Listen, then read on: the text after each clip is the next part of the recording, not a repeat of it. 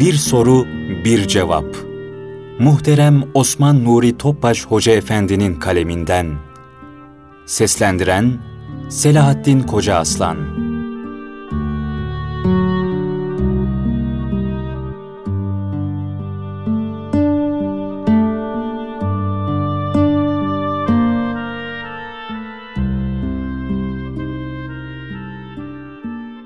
Soru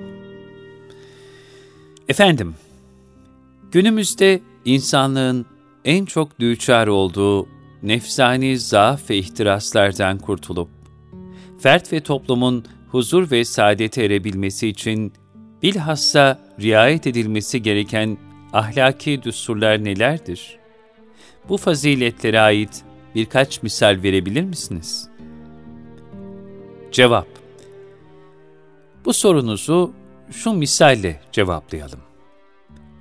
Rivayete göre Cenab-ı Hak, peygamberlerden birine rüyasında şöyle vahyetmiştir. Sabah olduğunda ilk karşılaştığın şeyi ye, ikinci karşılaştığın şeyi gizle, üçüncüyü kabul et, isteğini reddetme, dördüncüyü boş çevirme, arzusunu yerine getir, beşinciden de kaç, asla onun yanında durma. Sabahleyin o peygamberin karşısına ilk çıkan şey simsiyah ve kocaman bir dağ oldu. Peygamber durdu, şaşırdı ve hayretler içerisinde Rabbim bana karşıma ilk çıkan şeyi yememi emretmişti. Acaba bunu mu yiyeceğim? Fakat ben bu halimle şu koskoca dağı nasıl yiyebilirim dedi. Sonra da kendi kendine Rabbim gücümün yetmeyeceği şey emretmez diye düşünerek büyük bir hayret ve dehşet içerisinde daha doğru yürümeye başladı. Daha doğru yürüdükçe daha küçülüyordu. Ta ki yanına varınca iyice ufaldı ve bir lokma haline geldi. Peygamber de onu yuttu.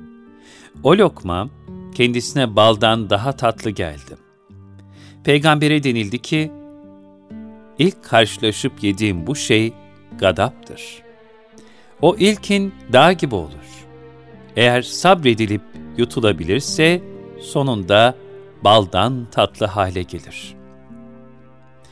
Öfke, kötü ahlakın en korkuncu, en felaketi ve en müthişidir aklı ve gönlü perdeleyen korkunç bir gaflet halidir. Bütün cinnet ve cinayetlerin ayrılmaz bir vasfı olan öfke, insanın iç dünyasını kin, intikam ve husumet gibi şerlerle dolduran feci bir musibettir. Nitekim, hayat kitabının öfke faslı bir facia tarihidir. Bu vahim tehlikeden kurtuluşun yegane çaresi ise, muazeneyi bozmadan sükunetle iman gücüne ve sabır silahına sarılmaktır. Ayet-i Kerime'de buyrulur. O takva sahipleri ki, bollukta da, darlıkta da Allah için harcarlar, öfkelerini yutarlar ve insanları affederler. Allah da güzel davranışta bulunanları sever. Ali İmran 134 Allahu Teala'ya hamd ederek yoluna devam eden peygamberin önüne bu defa içinde hazine olan altından bir tas çıktı. Rabbim bana bunu gömmemi emretmişti diyen peygamber hemen bir kuyu kazıp o hazineyi iyice derine gömerek yoluna devam etti. Geriye dönüp baktığında hazine yerin üstüne çıkmıştı. İkinci, üçüncü defa gömdü ama hazine her defasında yerin üstüne çıkıyordu. Bunun üzerine kendi kendine ben bana emredilen şey yaptım diyerek yoluna devam etti. Daha sonra kendisine bu hazinenin salih ameller olduğu haber verildi. Zira salih ameller riyadan korunmak için her ne kadar sahibi tarafından saklanırsa da daima ortaya çıkar.'' Halk arasında şöyle bir darbu mesel vardır. İyilik yap, denize at. Balık bilmezse Halik bilir. Yani o iyilik mutlaka bir gün karşına çıkar. Cenab-ı Hak, amellerinin salih olmasına gayret eden ve ibadetlerini sırf rızayı ilahi kazanmak için yapan samimi kulunu sever ve sevdirir. Böyle bir müminin iç dünyasındaki güzellikler dış dünyasına da akseder. O kimsenin elinden, dilinden ve gönlünden bütün mahlukat istifade eder. Herkes o karakter ve şahsiyet sahibine hayran kalır. Üçüncü olarak peygamberin karşısına bir serçe kuşu çıktı. Arkasından gelen bir şahin de onu yakalamak ve yutmak istiyordu. Kuş can havliyle, ''Ey Allah'ın peygamberi, bana yardım et, beni şahinin şerrinden koru.'' dedi. Peygamber de onu merhamet ve şefkatle kabul edip elbisesinin içine sakladı. Arkasından gelen Şahin, ''Ey Allah'ın peygamberi, ben açım. Sabahtan beri o avın peşindeyim. Rızkımı ver, rızkıma mani olma, beni boş çevirme.'' dedi. Peygamber kendi kendine, üçüncüyü kabul edip isteğini reddetmemek, dördüncüyü de boş çevirmeyip arzusunu yerine getirmekle emrolundum diyerek, çaresizlik içinde düşünmeye başladı. Zira iki emrede itaat etmek zorundaydı.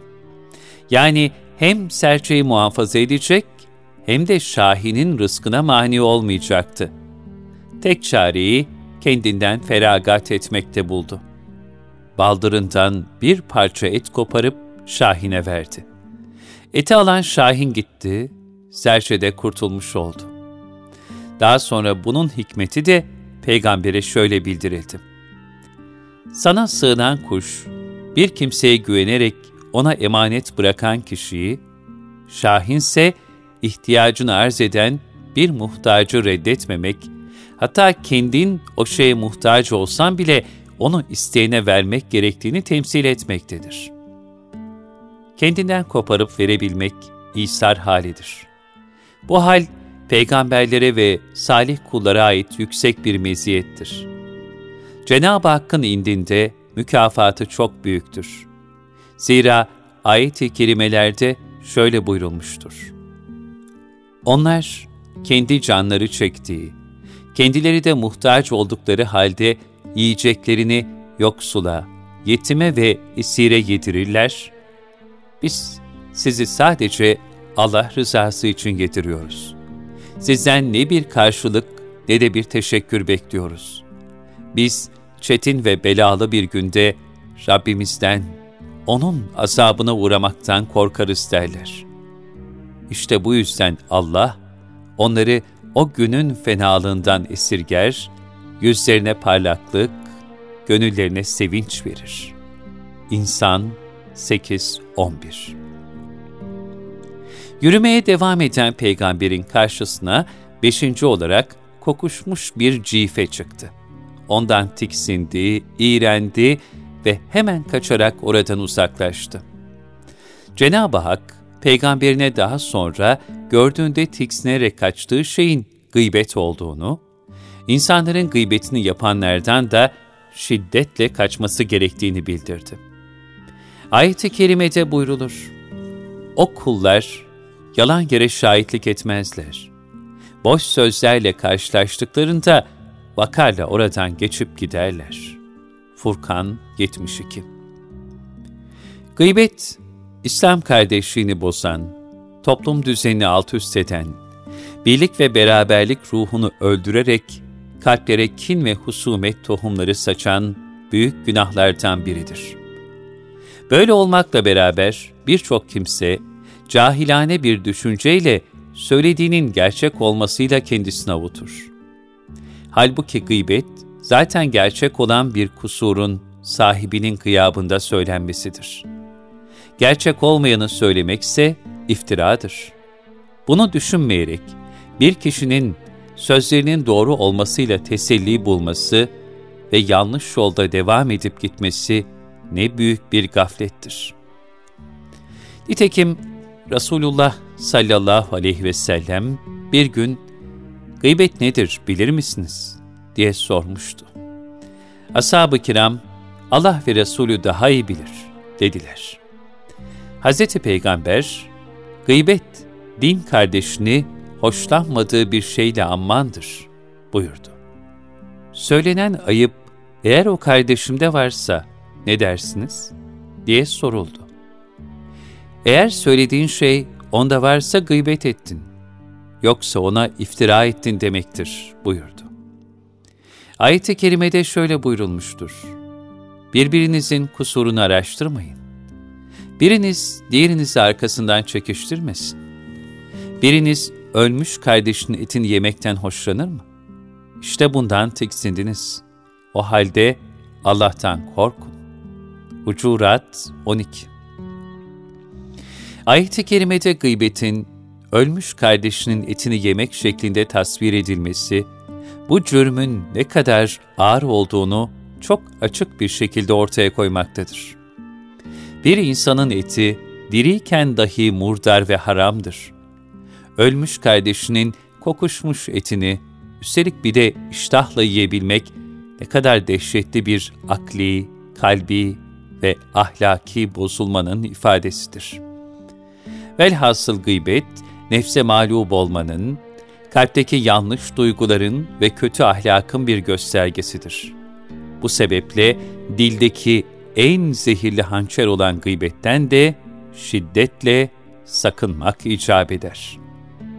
Cenab-ı Hak bizleri bütün nimetlerin kadro kıymetini layıkıyla bilip, ömrünü rızay ilahiye muvafık amellerle en verimli bir şekilde kullanabilen bahtiyar kullarından eylesin.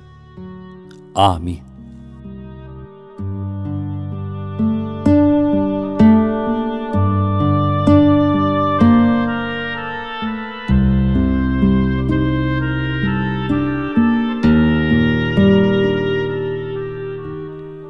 Soru, bir cevap. Muhterem Osman Nuri Topbaş Hoca Efendi'nin kaleminden. Seslendiren Selahattin Koca Aslan